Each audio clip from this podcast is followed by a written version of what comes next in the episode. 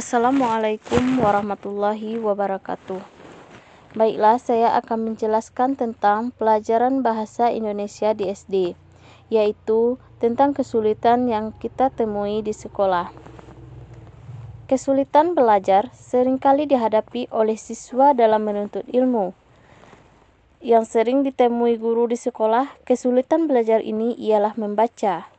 Banyak murid-murid saat ini Membaca adalah hal yang sangat berat bagi mereka. Kesulitan ini ditandai oleh kesenjangan atau kemampuan umum seseorang dengan kemampuan ditunjukkannya dalam mempelajari bidang tertentu. Peran guru sangatlah berpengaruh besar terhadap perkembangan peningkatan belajar anak.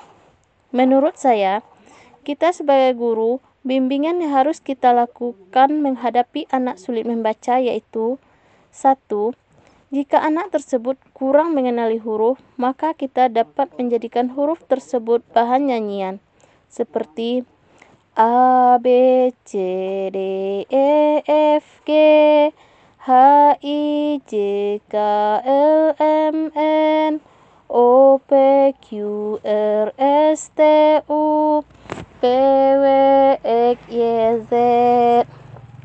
Nyanyian ini dapat memotivasi siswa agar mereka lebih giat dalam membaca. Dua yaitu gunakan bacaan yang tingkat kesulitannya rendah. Tiga, jika disebabkan ketidaktahuan anak tanda baca, maka perkenalkanlah fungsi tanda baca dengan cara membaca. Empat yaitu berikan latihan khusus. Lima, suruhlah anak membaca ulang. 6.